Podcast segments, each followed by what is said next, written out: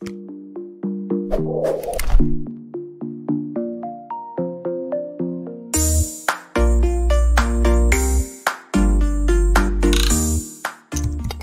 ini didukung oleh Desa WiFi, Tol Langit Desa Indonesia.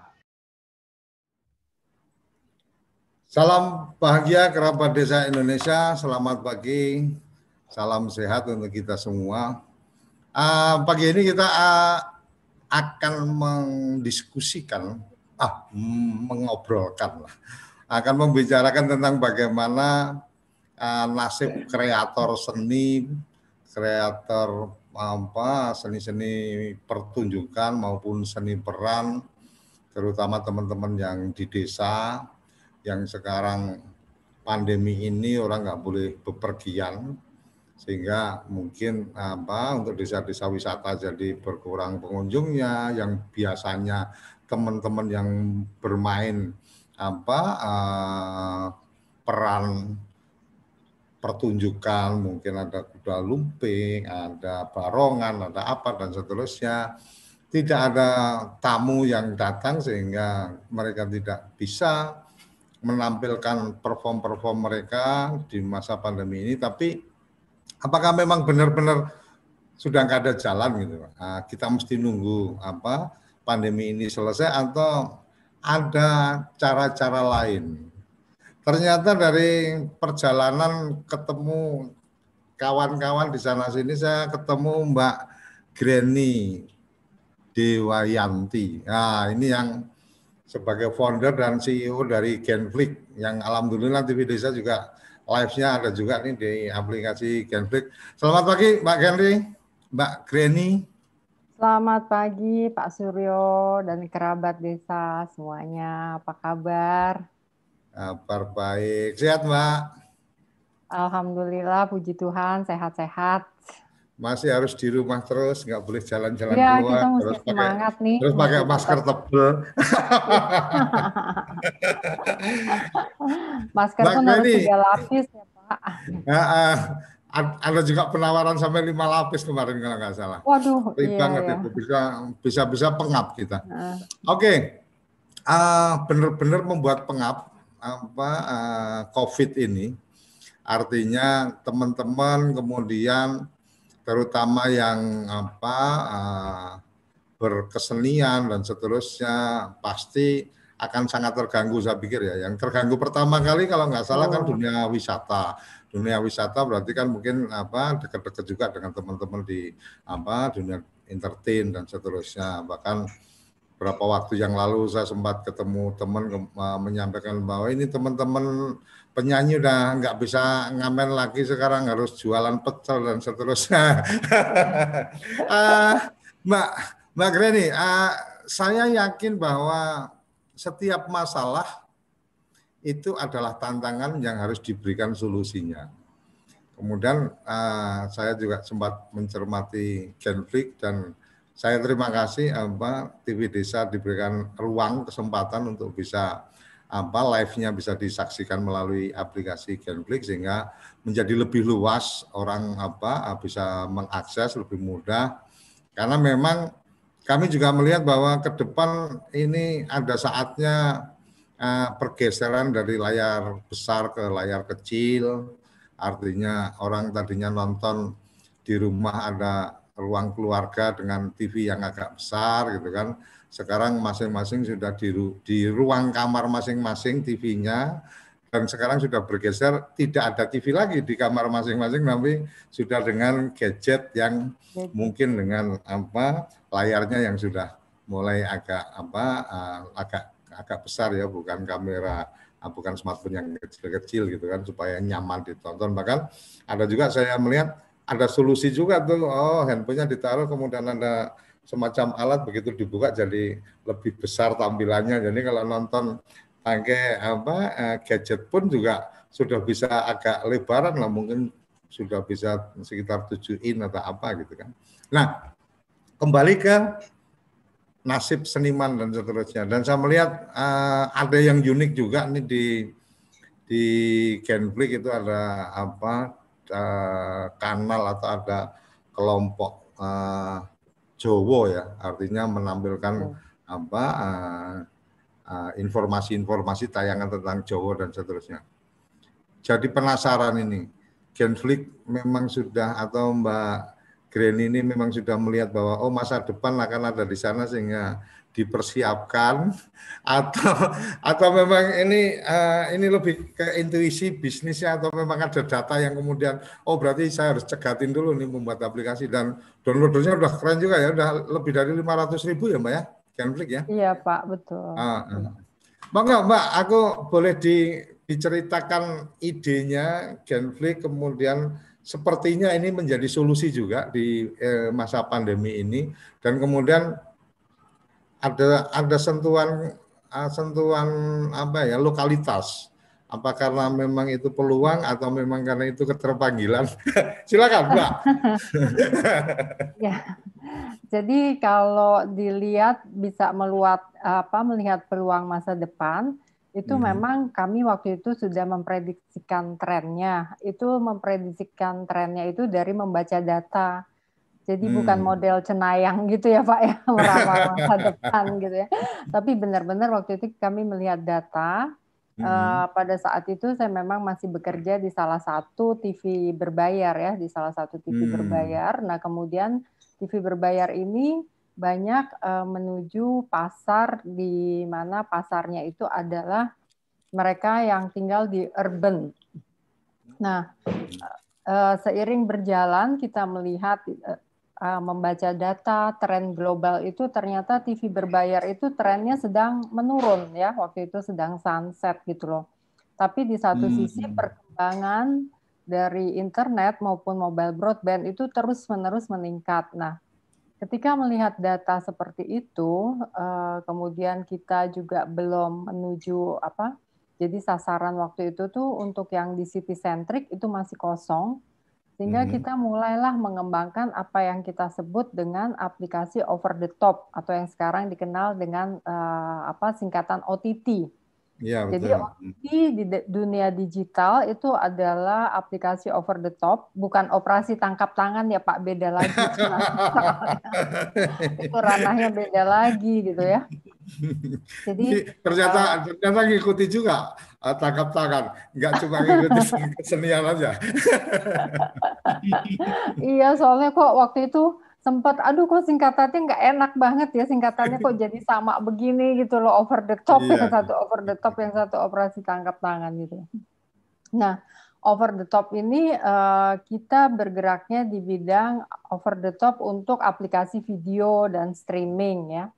Nah hmm. waktu itu uh, kami memanfaatkan konten-konten yang bisa di streamingkan, bisa masuk ke internet dan juga broadband gitu ya. Akhirnya hmm. kami develop over the top ini, uh, kemudian kami berikan nama Genflix itu untuk khusus yang film-film, jadi banyak sekali film-film di sana. Pada hmm. awal mulanya itu juga bukan film, tapi awal mulanya itu lebih banyak untuk broadcast sport. Jadi liga termasuk waktu itu adalah World Cup tahun 2014 itu Genflix hmm. juga broadcast Kemudian oh, gitu. Liga Inggris, kalau Bapak masih ingat ya sekarang ini Liga Inggris banyak nggak main ya karena pandemi juga. Hmm. Waktu itu kami juga broadcast itu 2013, 2016, kemudian 2017, 2019 berbarengan dengan CTV berbayarnya ini.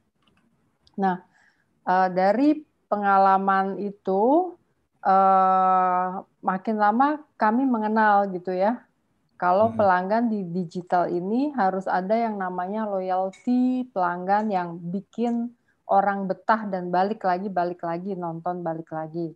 Contohnya kalau hmm, misalnya ada acara yang kayak tetap gitu ya, oh kepoin desa nih, kepoin desa setiap hari Jumat jam 8 pagi. Nah orang mau standby di situ kan.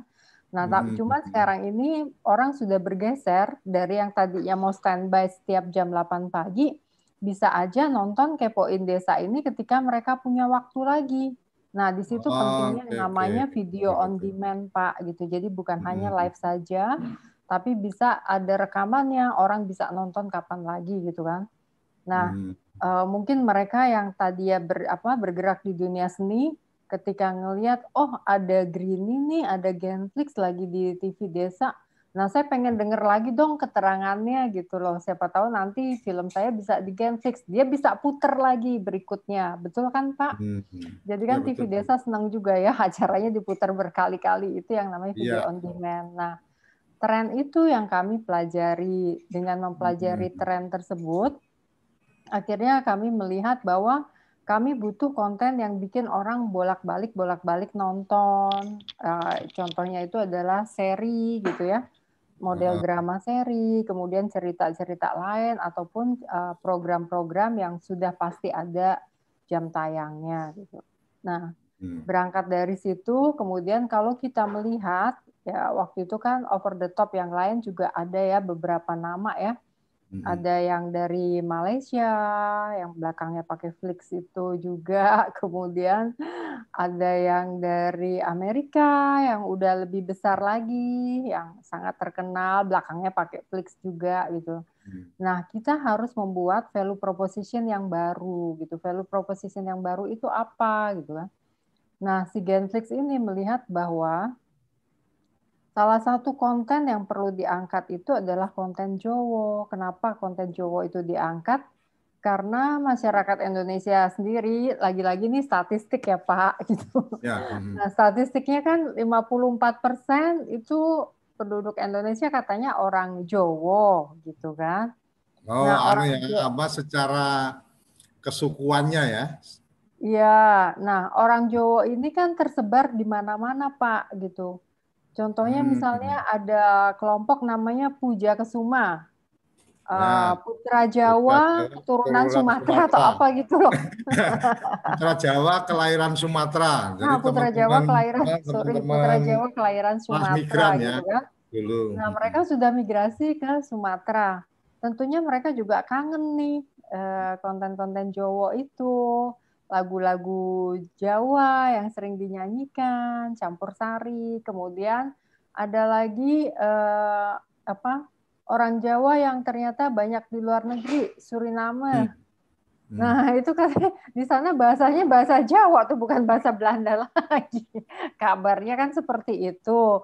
Akhirnya ya, kami ya, ya. mencarilah konten-konten ke sana gitu. Nah uh, dengan berkembangnya apa kebudayaan, berkembangnya interaksi antar budaya, uh, kita juga melihat bahwa begitu banyak uh, mahasiswa asing yang juga ingin mempelajari kesenian Jawa. Betul kan ya Pak?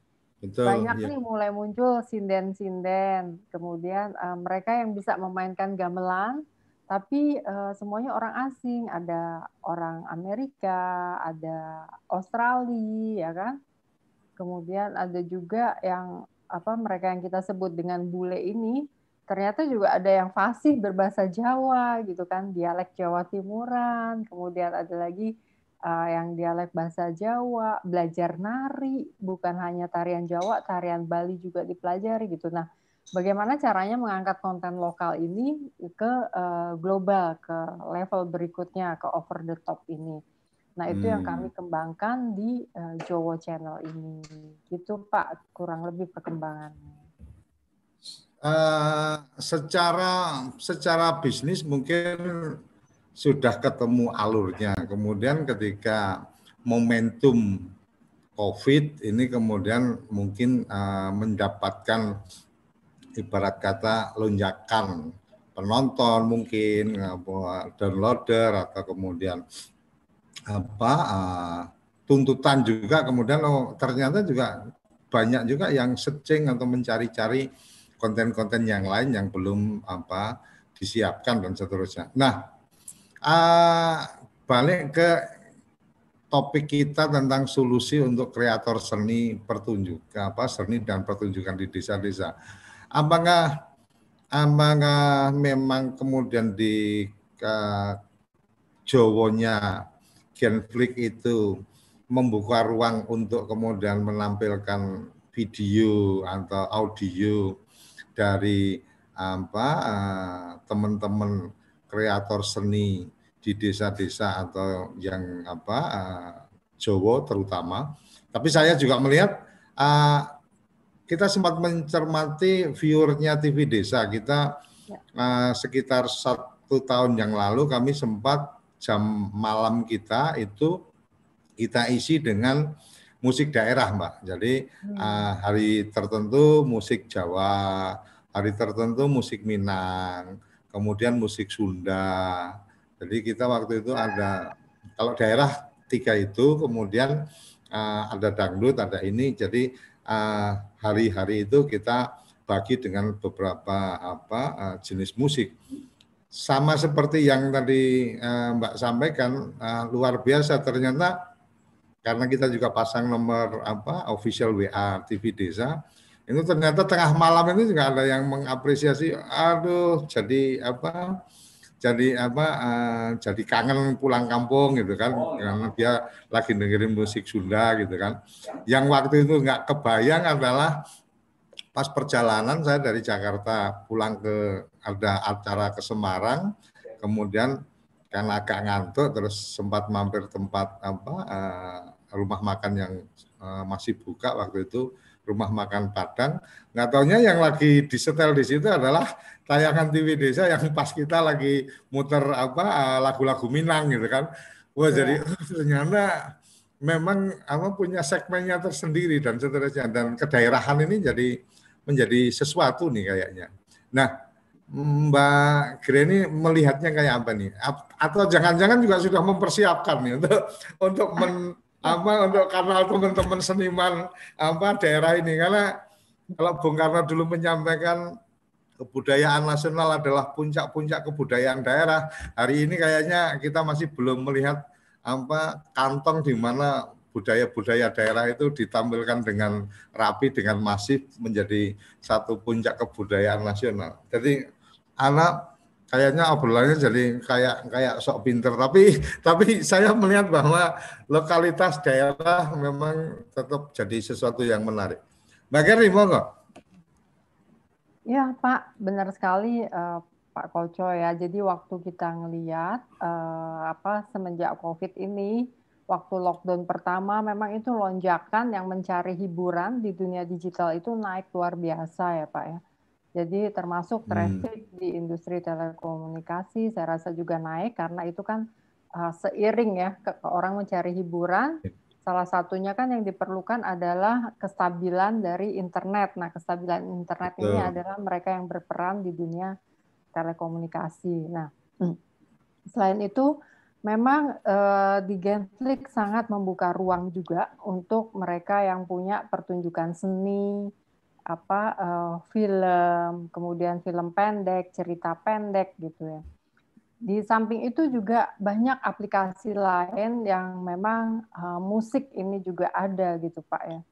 Jadi musik kalau yang apa sudah terkenal mendunia itu kan kita banyak kenal namanya mungkin Spotify ya. Nah, kalau di aplikasi anak bangsa sendiri sebenarnya juga ada itu yang musik itu yang dikenal dengan nama G-Tunes gitu ya. Di situ banyak hmm. sekali menampilkan musisi-musisi Indonesia, terutama musisi-musisi daerah. Dan terus terang ini adalah satu hmm. kesempatan yang luar biasa. Saya bisa mengenal Pak Koco lewat TV Desa ini karena eh, kami juga pengen sekali mengembangkan musisi-musisi daerah ini mempunyai tempat gitu Pak. Jadi nanti hmm, teman-teman hmm, yang tertarik hmm. boleh hubungi Pak Koco nanti biar di ya, biar diteruskan ke nanti. saya gitu ya Pak ya. Ya, gitu. nanti saya saya jadi agregatornya nih, teman-teman yeah. lain mau kita nanti saya sampaikan kayak gitu. Ya. Hmm. Bah, begitu Pak. Jadi untuk yang apa uh, musik itu apalagi kita ngelihat dengan salah satunya itu yang kemarin uh, sempat naik daun ya. Itu kan hmm. musiknya sebenarnya gabungan dari musik uh, pop dengan hmm. musik daerah gitu kan yang dia ramu hmm. akhirnya bisa naik daun bahkan bisa sampai ke New York juga dipasang di billboardnya juga ada dan itu kan luar biasa sekali. Nah ini yang pengen kita cari hal-hal seperti itu karena saya yakin orang Indonesia itu ya tentunya dalam hatinya dalam darahnya tetap semua konten-konten Indonesia itu akan nomor satu gitu Pak dibandingkan konten-konten yang lain. Gitu. Memang kalau konten-konten yang lain, contohnya konten Hollywood yang besar-besar itu juga seasonal gitu ya. Jadi orang Indonesia akan kenal semua konten-konten yang besar, tapi konten-konten yang lain mungkin enggak. Tapi dengan berkembangnya hmm. kelompok-kelompok kesenian daerah, gitu Pak, kemudian kelompok-kelompok para pemusik daerah, kelompok-kelompok uh, pembuat film di daerah, mereka punya semacam komunitas penggemarnya masing-masing. Nah, ini ya. alangkah baiknya kalau komunitas penggemar masing-masing ini bisa berkumpul dalam satu aplikasi sehingga mereka mudah untuk bisa mencarinya gitu. Nah, hmm. nanti saya juga minta bantuan Pak Koco nih mana nih teman-teman yang berprestasi ayo kita sama-sama kita uh, apa bawa mereka ke dalam dunia digital supaya uh, mereka juga mengalami suatu shift atau mengalami suatu tren masa depan bahwa semuanya akan lari ke eh, digitalisasi ya semuanya seperti hmm. itu gitu loh dan itu membuka uh, peluang yang sangat lebar untuk para pekerja seni para pelaku seni dari pelaku industri digitalnya sendiri itu juga membuka wawasan baru lagi, user experience yang jauh lebih bagus, security yang jauh lebih bagus. Dalam hal ini security itu artinya konten ini nggak bisa sembarangan di tapping, kemudian di copy, kemudian di apa disebarkan, dibajak seperti itu gitu. Jadi perkembangan itu selalu seiring ya. Eh, kemudian hmm. perkembangan data juga dan nantinya AI juga. Yang paling menarik sekarang ini ada yang apa eh, kita kembangkan itu adalah dengan IR maupun VR. Jadi eh, orang itu? nanti bisa bereksperimen ya hmm. bereksperimen meskipun di dunia digital seolah-olah mereka ada di dalam konser jadi uh, mereka nontonnya itu seolah-olah mereka dalam ruangan yang konser mereka dengar ada orang suara teriaknya suara bandnya gitu dan itu sangat uh, apa sangat cepat perkembangan ke depannya akan ke arah itu, sana. Itu menggunakan aplikasi tertentu atau gimana? Jadi aku ketemu Mbak Mbak Gren ini jadi kelihatan jadi kelihatan gapteknya. Padahal kalau di teman-teman aku ini terlihat paham teknologi, tapi begitu dengar cerita yang ini aku jadi kelihatan gaptek loh, Mbak. Sama-sama apa Pak. Yang, yang tadi diceritakan tadi. sama yang tadi yang, yang apa tadi?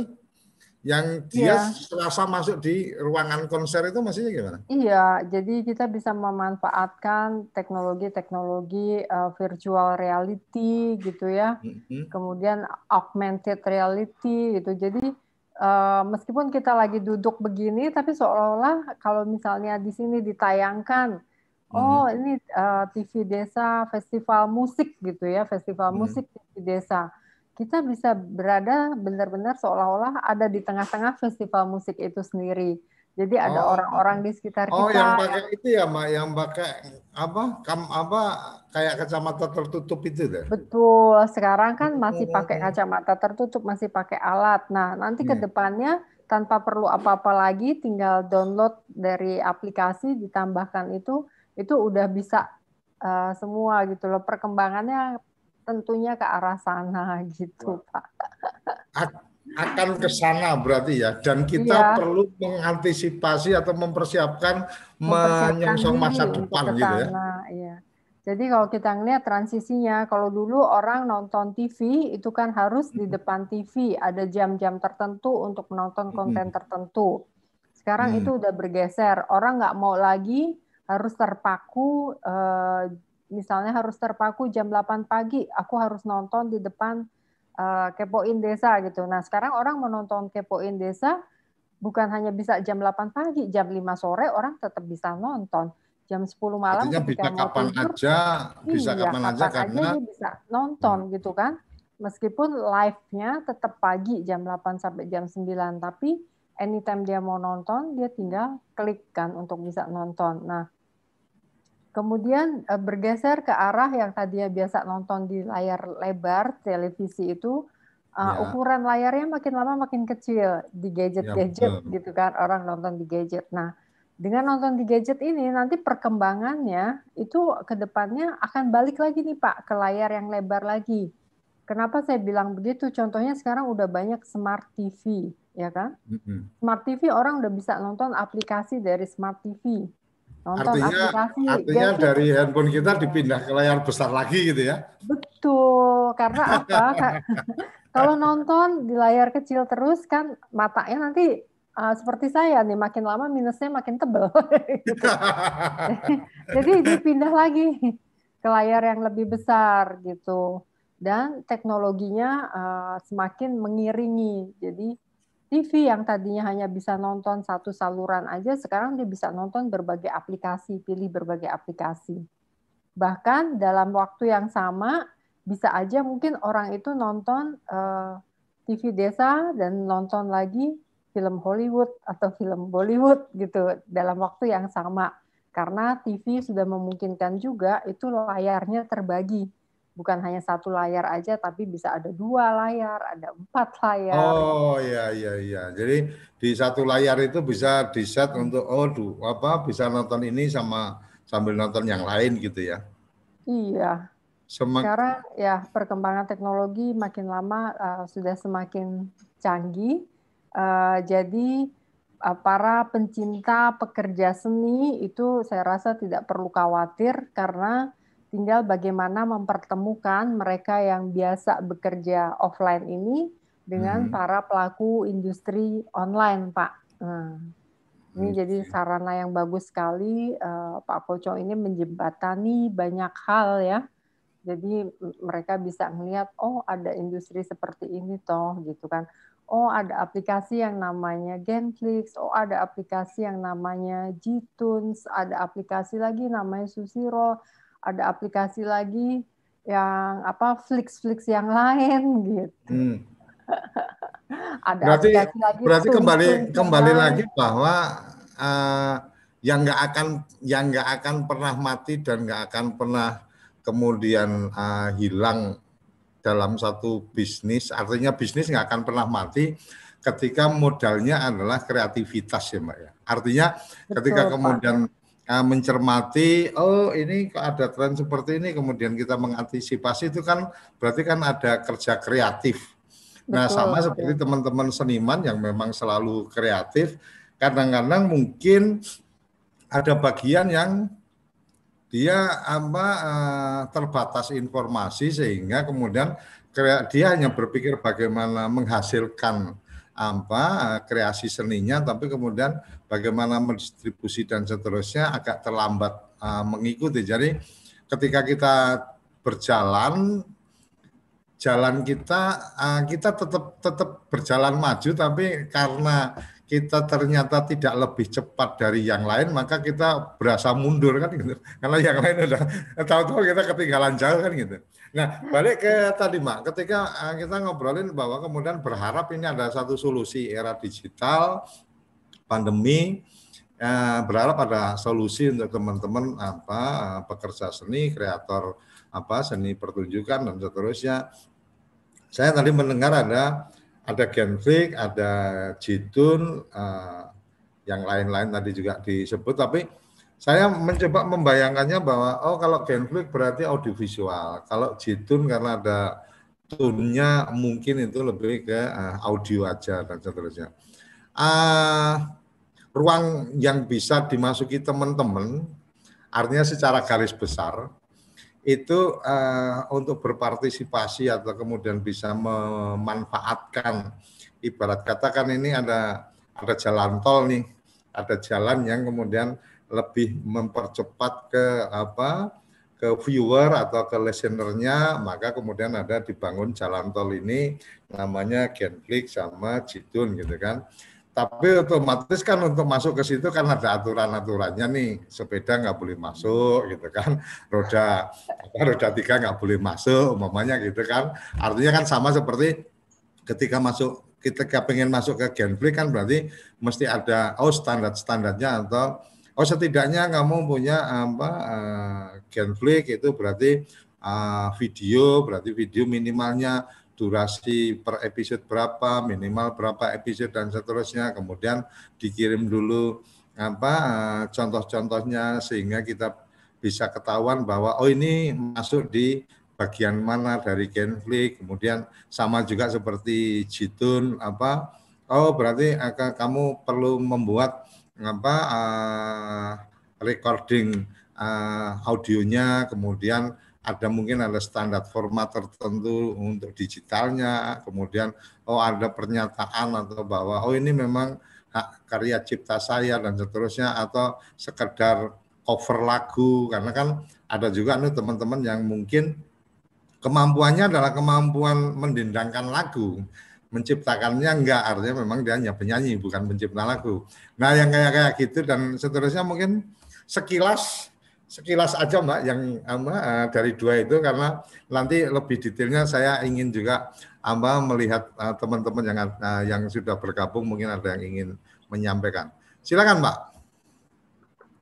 Ya jadi kalau untuk uh, aplikasi apa video film gitu biasanya memang yeah. MPEG-4 tapi yang paling yeah. standar itu sepanjang konten isi konten ya baik musik mm. baik uh, film gitu ya itu tidak ada saranya ya jadi yang penting kita apa saling menghormati itu tidak ada yang suku agama uh, apa rasialisme itu tidak mengandung unsur itu kemudian juga tidak mengandung unsur pornografi gitu.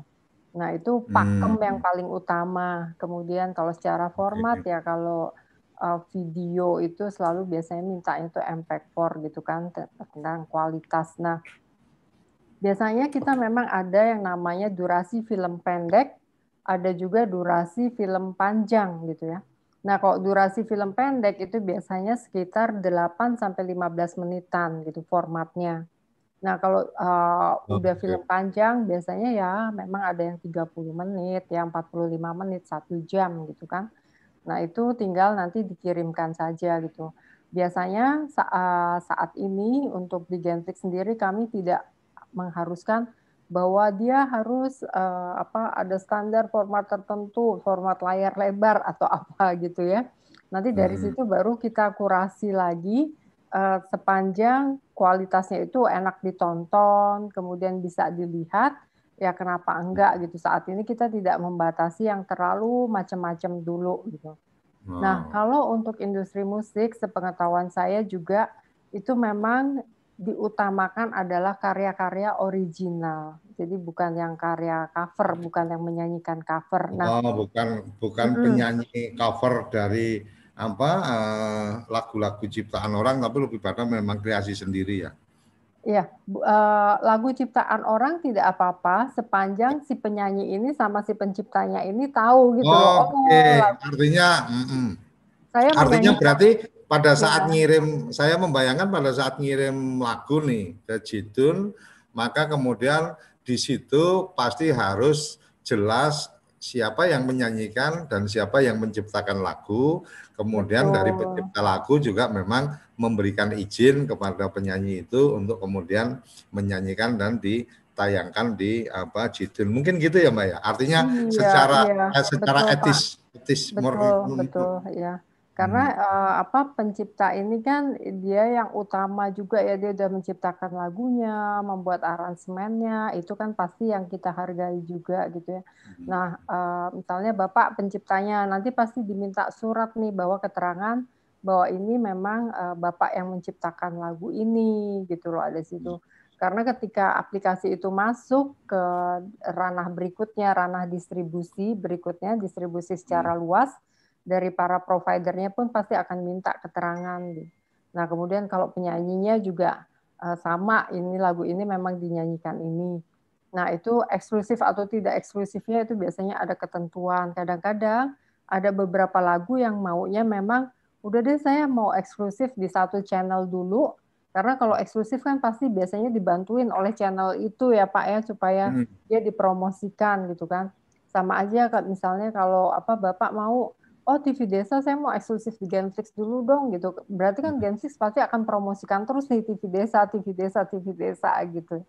Itu hmm. sama aja gitu. Atau Bapak mau nggak apa-apa lah, nggak usah eksklusif, yang penting saya bisa ditemukan di mana-mana. Nah itu pasti terbuka bagi para pelaku seni, dia boleh di mana aja taruhnya, di Genflix maupun Flix-Flix yang lain, di Tunes maupun Tunes kan macam-macam ada ada yeah. iTunes, ada G-Tunes, ada Jux, ada Tunes-Tunes yang lain tuh masih banyak lagi gitu. Boleh ditaruh di mana aja. Kurang lebih persyaratannya akan sama saja sih Pak gitu. Jadi dari pencipta lagunya, dari penyanyinya. Ada uh, ada pertanyaan men, apa ada pertanyaan yang menarik ketika memang uh, ketika kita mempublish itu kan ada ada opsi dari pemilik konten gitu kan artinya opsinya memang opsi bisnis atau apa artinya bisnis langsung atau kemudian uh, opsinya lebih pada opsi uh, peningkatan popularitas dan seterusnya. Yeah. Tapi kayaknya kita obrolin setelah yang satu ini, nah kita rehat sebentar, kita bisa apa uh, nyeduk apa uh, menikmati kopi pagi kita sebentar. Kenapa Risa jangan ke mana-mana, kita akan kembali uh, setelah yang satu ini. Kamu tinggal di pulau terpencil, pegunungan pinggiran kota, atau daerah di Indonesia yang tidak terjangkau jaringan fiber? ADSL, dan juga 3G. Internetan dengan cepat pasti cuma akan menjadi mimpi. Mau pakai tol langit, pakai desa wifi, kunjungi www.desawifi.id. Ayo, kandidat kepala daerah, manfaatkan kesempatan ini. TV Desa mengundang Anda bicara desa. 5 menit bisa Bicara Desa. Sebuah program tayangan monolog konsep membangun dari desa. Dari kandidat untuk masyarakat. 5 menit bisa bicara desa. Hanya di TV Desa.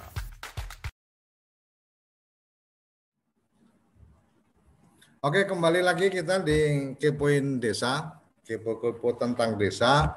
Karena ini kita ngobrolin sama agenda digital, audio, video. Jadi ada Genflix, ada Jidun. Uh, balik uh, sisa tadi yang ingin saya tanyakan, Mbak. Uh, saya punya pengalaman waktu itu ada satu uh, agenda yang kita mau bikin untuk sebuah edukasi gitu kan. Itu opsi dari mereka yang punya ilmu itu kan ada dua tuh. Satu udahlah aku dibantu untuk bisa apa mempresentasikan untuk ini jauh sebelum jauh sebelum pandemi ini sekitar 2012 waktu itu. Uh, dia siap oke okay, uh, nanti apa dia memberikan apa materi kemudian kita typing dalam bentuk video apa edukasi dan seterusnya kemudian ya silakan itu apa siapa aja boleh apa boleh menyaksikan dan seterusnya gitu kan ada lagi yang kemudian ya setiap aku ngomong aku harus diberi honor gitu kan.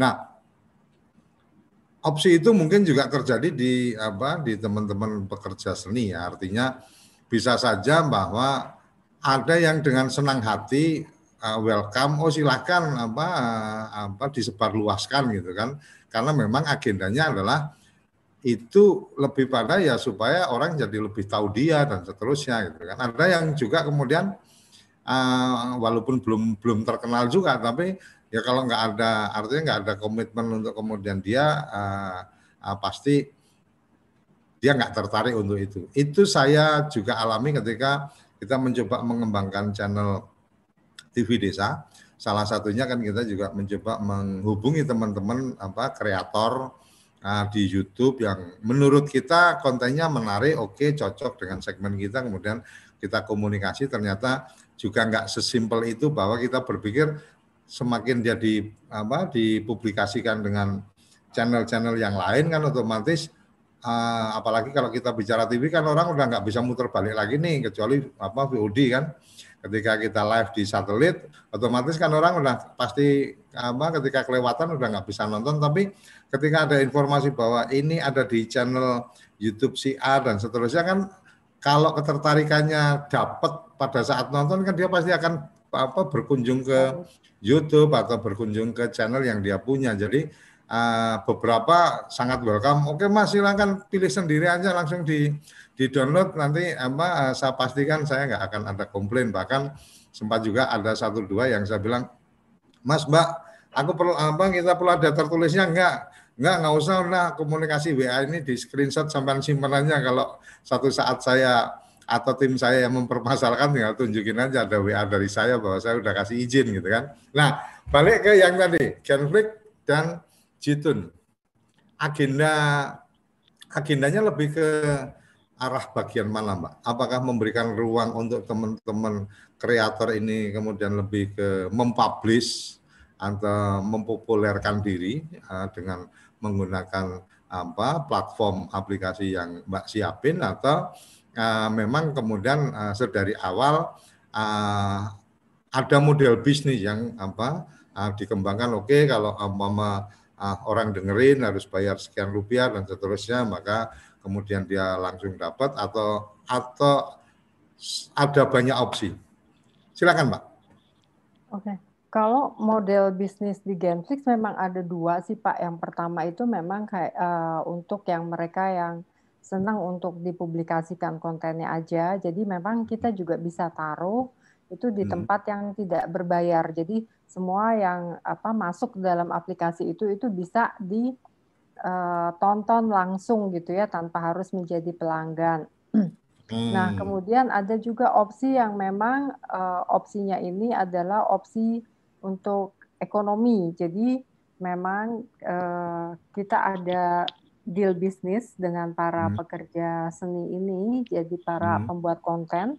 Hmm. Dan di tempatnya uh, apa Genflix itu memang yang dianut adalah subscription base ya. Jadi hmm. pelanggan itu bayar, tapi itu subscription itu kan artinya jumlah uh, konten yang ditonton ribuan, tapi hmm. dia hanya bayar satu tarif gitu ya. Nah, nah, artinya gimana? Artinya adalah dengan yang satu tarif ini harus dibagi dalam jumlah ribuan konten yang ditonton. Nah, pada hmm. akhirnya kalau kita sudah masuk dalam uh, segi bisnis, dalam segi ekonomi, balik-balik lagi adalah konten ini memang bagus atau tidak disukai atau tidak oleh penonton itu yang memberikan dampak ekonomi yang lebih tinggi. Jadi kalau berarti ada Anda secara secara sistem akan apa terikot bahwa dari sekian subscribe yang kemudian berbayar itu kemudian nonton uh, masing-masing channelnya itu apa masing-masing tayangan itu berapa lama kemudian dari situ keta, akan ketahuan bahwa oh bagian kamu ya segini karena memang uh, ternyata walaupun subscribe apa yang berbayar itu segini banyak tapi yang nonton kamu cuma sekian dan seterusnya gitu. Betul, Jadi semakin Pak, banyak betul. semakin banyak memang kata-kata di bulan ini ternyata konten yang kita punya untuk yang masuk berbayar itu termasuk yang hit semua apa banyak yang nonton ke situ maka otomatis ini akan menjadi menjadi apa sumber untuk kemudian dia mendapatkan banyak apa lebih banyak di bulan itu. Kira-kira kayak gitu, Mbak. Iya, betul, Pak, betul. Kadang-kadang ada juga kan yang mau ya, masuk. Sangat, uh, sangat fair ya karena modal digital ya. itu salah satu bagian yang kemudian menjadi lebih memudahkan fairnya kan karena data digital ya, Pak ya. Betul Pak, semuanya data, kalau data digital tuh semuanya apa terekam detik demi detik second demi second terekam asalnya dari mana lebih ini ya lebih kelihatan semua jadi ya memang kalau dia ditonton jauh lebih banyak pasti akan dapatnya jauh lebih banyak jauh lebih besar gitu. Uh, untuk kemudian menjadi satu peluang ini yang tadi uh, Mbak Greni sampaikan kan tentang bagaimana hmm. kemudian ayo teman-teman kreator uh, mungkin nanti bisa berkomunikasi melalui apa kita di TV Desa untuk bisa apa uh, dikomunikasikan lanjutan ke Genflix dan juga ke Jitun. Uh, boleh saya diberikan gambaran dan kerabat desa juga bisa diberikan gambaran yang kemudian menjadi daya tarik dari apa uh, Mbak Greni sendiri konten-konten yang kayak apa sih yang diharapkan? Kalau tadi kan mungkin kalau bicara konflik kan memang ada ada yang Jawa, ada yang religi, bla bla bla dan seterusnya gitu kan. Tetapi untuk uh, secara umum ketika bicara uh, teman-teman atau kerabat desa yang sedang menyaksikan acara ini dan apa uh, juga uh, nanti di jaringan apa teman-teman TV desa karena kebetulan ini juga sudah mulai ada geliat teman-teman di desa atau di daerah itu juga mengembangkan TV-TV komunitas, TV-TV kabel lokal yang mereka juga memproduksi konten-konten berita lokal, konten-konten apa budaya dan seterusnya yang sangat lokal gitu kan. Nah, aku apa aku pengen Mbak Greni bisa memberikan gambaran nih ke kerabat desa semua bahwa harapannya kalau untuk komunitas desa dan seterusnya pengennya apa ya konten-konten yang mungkin bisa dieksplor dan itu memang secara apa ya secara data atau secara terawangan digitalnya Mbak Gren ini memang akan jadi potensi nih masa depan kan gitu. Gimana Mbak? Biasanya memang konten-konten yang uh, cukup unik ya Pak Koco. Jadi hmm. Hmm. kalau misalnya kita uh, saat ini ngelihat tren itu orang kan banyak yang kepo ya, pengen tahu gitu, pengen hmm. tahu urusan orang dan lain sebagainya. Nah ini cerita-cerita tentang kepo ala desa, cerita-cerita tentang kepo apa ala masyarakat setempat lah ya kita sebutnya seperti itu, itu bisa jadi sesuatu yang unik gitu kan. Nah kemudian hmm. juga eh, perpaduan-perpaduan uh, kalau apa disebutnya mungkin seperti kayak musik alternatif gitu ya. Jadi hmm. perpaduan antara musik pop lagu barat dengan uh, dicampur dengan karawitan misalnya atau dicampur hmm. dengannya gending Bali atau gending Sriwijaya gitu ya. Jadi hmm. menimbulkan sesuatu bunyi yang unik uh, kemudian yang bisa dipahami gitu. Nah, kadang-kadang orang itu lebih uh, lebih relate dengan sesuatu yang terjadi di sekitarnya gitu. Misalnya hmm. kalau sekarang sedang PSBB gitu kan. Ketika sedang PSBB Kemudian banyak kalau orang yang PSBB masih berkeluyuran, nah itu di desa kan apa atau di daerah tempat tertentu ada yang tiba-tiba kalau orang masih berkeluyuran terus ada yang datang dia pakai modelnya padahal orang ronda tapi datang pakai model dengan baju kuntilanak atau apa gitu. Akhirnya itu bisa viral gitu. Nah, hal-hal yang unik-unik seperti itu itu yang pada akhirnya memang sangat disukai oleh digital. Jadi yang relate dengan keadaan sekarang, kemudian yang unik eh, dari daerah itu apa gitu. Hal-hal seperti itu yang biasanya itu langsung jadi hits gitu kan.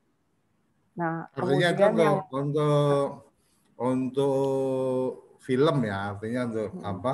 Untuk audio visual ya. Kalau untuk untuk jitunnya sendiri kira-kira apakah memang kalau tadi kan sudah disampaikan nih, oke okay, apa uh, yang tidak masuk artinya sekarang yang judul jadi hit adalah yang tidak tidak masuk di genre mana pun nih barat katakan gitu kan kemarin sempat saya lihat kan ada juga ini pop bukan, ini rock bukan, hip hop bukan, ah, tetapi orang malah suka yang itu kan gitu. Nah kalau yang kalau yang di apa Jitun sendiri mungkin uh, oke okay lah itu satu alternatif.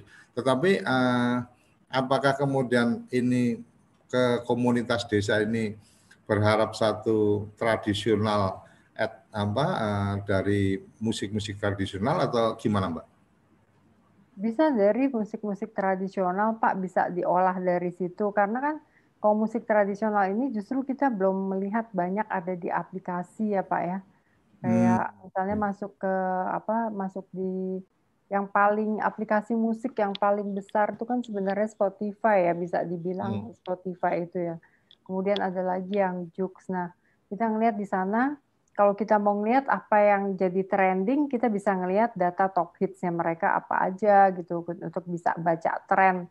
Tapi untuk menciptakan sesuatu yang unik, nah yang nggak ada di mereka itu apa? Nah ini yang justru bisa digali untuk bisa ada di tempat lain. Biasanya sih seperti itu Pak sama juga dengan apa film itu kan juga uh, banyak flix-flix yang lain kan ketika kita membandingkan dengan flix-flix yang lain oh mereka banyak sekali masuknya ke apa sangat berkiblat di Hollywood nah si uh, Genflix ini mungkin berkiblatnya lebih di Asia lebih di lokal gitu kan atau Kemudian, atau atau Genflix berkiblatnya ke Bollywood tempatnya Mas Arvin. Iya. Mas Arvin kayaknya juga eh, semoga lagi memantau juga ini salah satu kiblat yang juga mau dibangun kalau ada Hollywood ada apa di kalau India apa Mbak namanya? Bollywood. Ah, Bollywood ada nah. Hollywood ada Bollywood. Nah, kalau Indonesia ada, ada Bollywood. Kan? iya. uh, uh, uh. Ya ke depannya itu ya seperti itulah Pak yang mesti kita kembangkan sebenarnya. Karena kalau enggak nanti terlalu banyak uh, apa aplikasi yang sama, kemudian ciri khasnya apa? Kalau ciri khasnya sampai hilang kan itu repot gitu ya. Jadi hmm. seperti waktu Genflix pun berevolusi sih Pak jadi waktu awal kita memang ciri khasnya itu adalah bola, pertandingan bola. Jadi orang tuh nancep banget kalau pertandingan bola udah nontonnya di Genflix gitu kan. Nah, hmm. sesudah itu kemudian Genflix beralih kepada film-film Asia. Hmm. Banyak sekali film-film Asia dari Thailand, kemudian dari Jepang, dari Korea, dari Indonesia gitu ya. Hmm. Dari China, dari Mongol itu ada di Genflix. Sesudah itu kita ngelihat lagi, wah ini tren film Indonesia-nya nih uh, gimana caranya menaikkan, meningkatkan. Kita akhirnya bikin Jowo, kemudian seiring perkembangan zaman kita melihat bahwa oh sport itu sekarang sudah banyak lari di e-sport.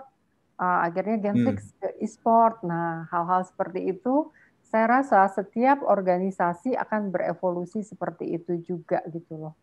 Jadi tren pun akan berevolusi seperti itu Nah, dunia kreatif saya rasa juga punya uh, kecenderungan dan e berevolusi juga gitu. Misalnya kalau dulu kan contohnya aja dangdut ya, dulu kan ada hmm. dangdut apa? Ada dangdut patah-patah, ada dangdut hmm. goyang bor, ada dangdut hmm. pantura, ada apa itu kan berevolusi juga ya banyak sekali macamnya gitu apa kan. juga nih Mbak Greni apa apa urusan-urusan dangdut ngikuti waktu di oren ya. Kalau urusan David ya, jadi paham banget ya. Goyang pantura. Ya, gitu. Iya. Uh, artinya artinya ini ada ada satu proses kemudian Genflix sekarang uh, lebih mengarah kepada bagaimana uh, satu apa uh, Indonesia ini kemudian di apa lebih dijadikan fokus untuk kemudian mengeksplor potensi-potensi kreatif dari teman-teman Indonesia sendiri atau atau atau gimana, Pak? Aku nangkepnya berarti tadi kan awalnya mainnya uh, untuk bola, kemudian geser ke film-film Asia, kemudian sekarang mulai dengan apa uh, ada apa uh, lebih ke konten-konten lokal mungkin secara spesifik karena memang apa secara data Jawa ini jadi menarik kan nanti ada Jawa ada Sunda kan gitu nah, ada Minang juga. Nah, mungkin uh, uh, Genflix sedang apa mencoba atau uh, mengarah ke bagaimana mengangkat potensi lokal atau gimana untuk dekade-dekade sekarang ini? Ya, Genflix itu sangat ingin sih Pak mengangkat potensi lokal, apalagi karena Genflix ini kan kita boleh bilang dan boleh bangga ini karya anak bangsa ya. Jadi ya model orang kayak saya dan rekan-rekan yang waktu itu membangun Genflix dari scratch itu hmm. ya semuanya orang Indonesia sih semuanya kelahiran Indonesia semuanya lulusan Indonesia juga gitu ya. Nah, Oke, okay, Genflix ini 100% anak bangsa, anak, anak Indonesia. Bangsa, iya. oh, oke okay, oke okay, luar biasa luar biasa. Jadi okay. benar-benar dari scratch ngebangun, kemudian mencari bentuknya. Nah, Kesulitan kami sebenarnya adalah pada waktu kita pengen mengangkat konten-konten lokal, konten-konten Indonesia ini, uh, source-nya itu tidak terbuka seperti sekarang gitu ya. Sekarang ini hmm. kita terbuka apa lebih banyak terbuka dan bisa berkenalan dengan Pak Koco, bisa berkenalan dengan Mas Arvin itu kan satu apa satu terobosan baru bahwa ternyata banyak loh pelaku apa pelaku seni, pelaku dunia benar-benar dunia film, pelaku dunia musik yang itu butuh tempat gitu ya. Jadi kalau kita lihat sendiri kan kalau di bioskop film Indonesia yang tampil di bioskop aja itu kan sangat sedikit ya. Ketika kita mau mencari source-nya, itu kita juga kesulitan karena film yang bioskop aja paling setahun cuma ada mungkin 100 judul atau apa. Nah, waktu bicara aplikasi, waktu bicara dengan VOD, kita kan selalu bicaranya jam tayang, jam tayangnya berapa banyak jam tayangnya ini. Nah, karena kami kesulitan, akhirnya apa eh, berkembangnya itu konten lokal masih sedikit, tapi ke depannya kami sungguh-sungguh ingin konten lokal itu bisa menjadi raja lah ya di tempat kita juga. kemudian bisa menjadi raja juga di aplikasi Genflix karena udah semuanya eh, benar-benar Indonesia anak bangsa gitu.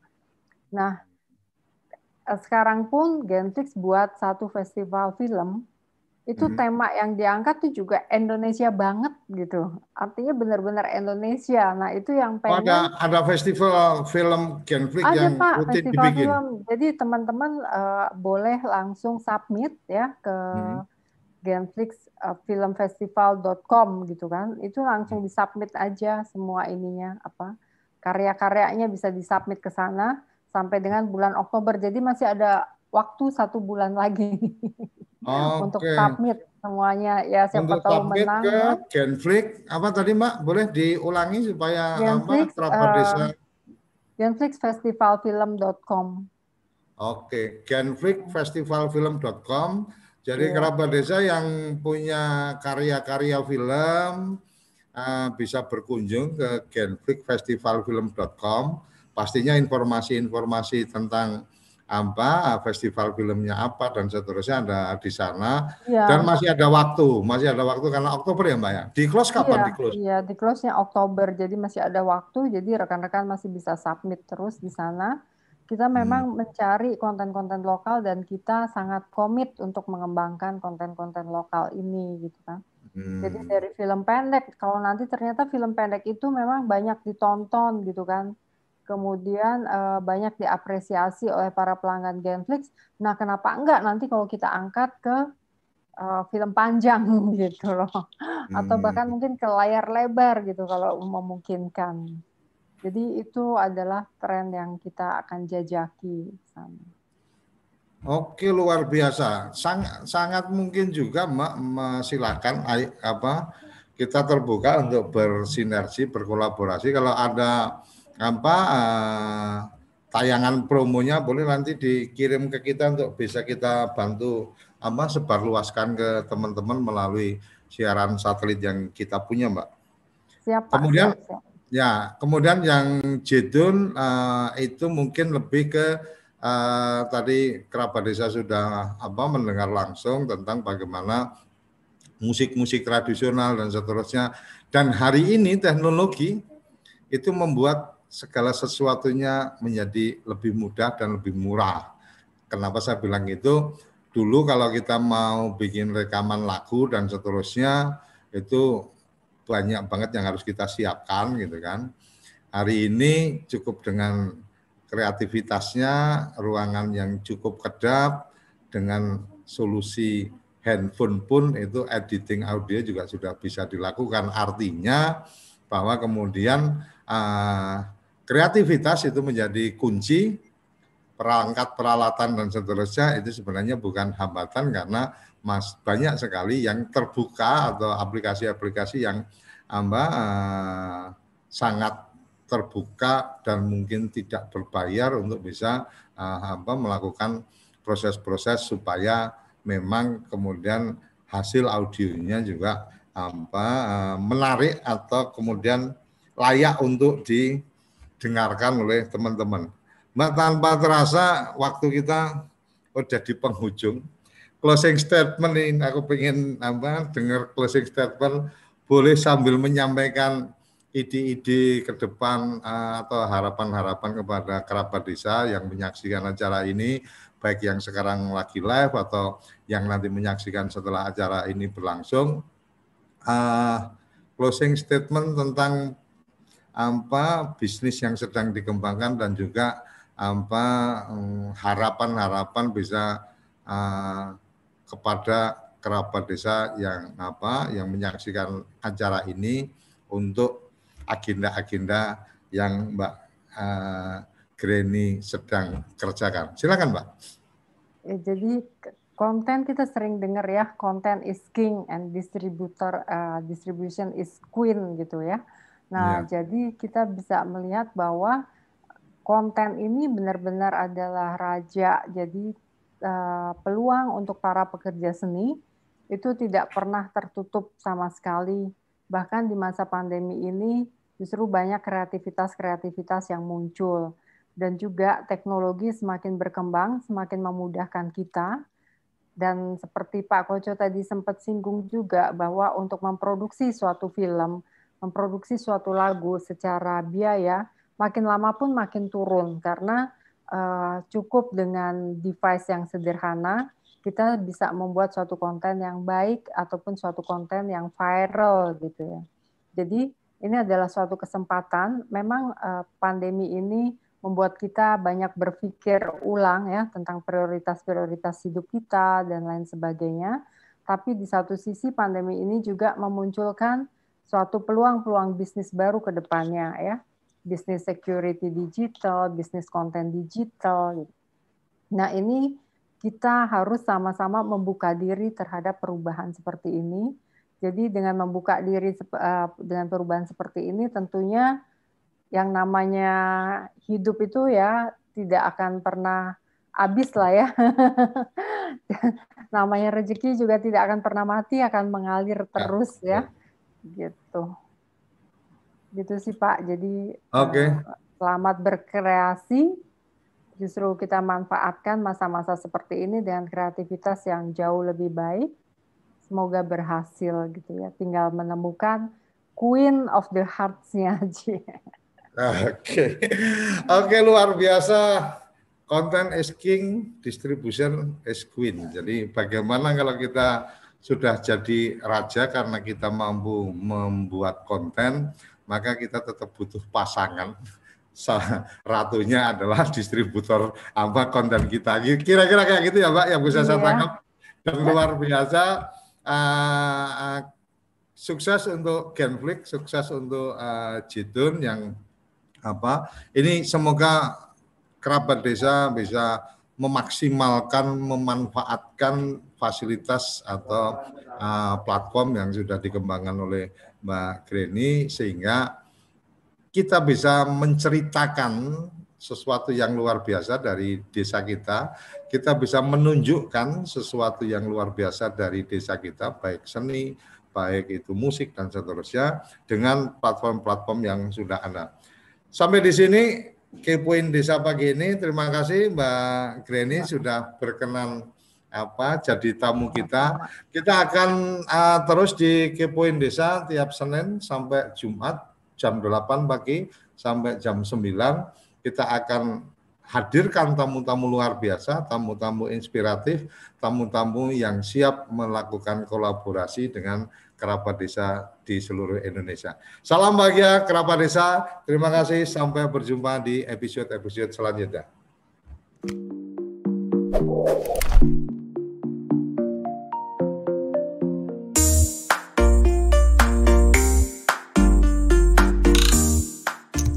Acara ini didukung oleh Desa WiFi, Tol Langit Desa Indonesia.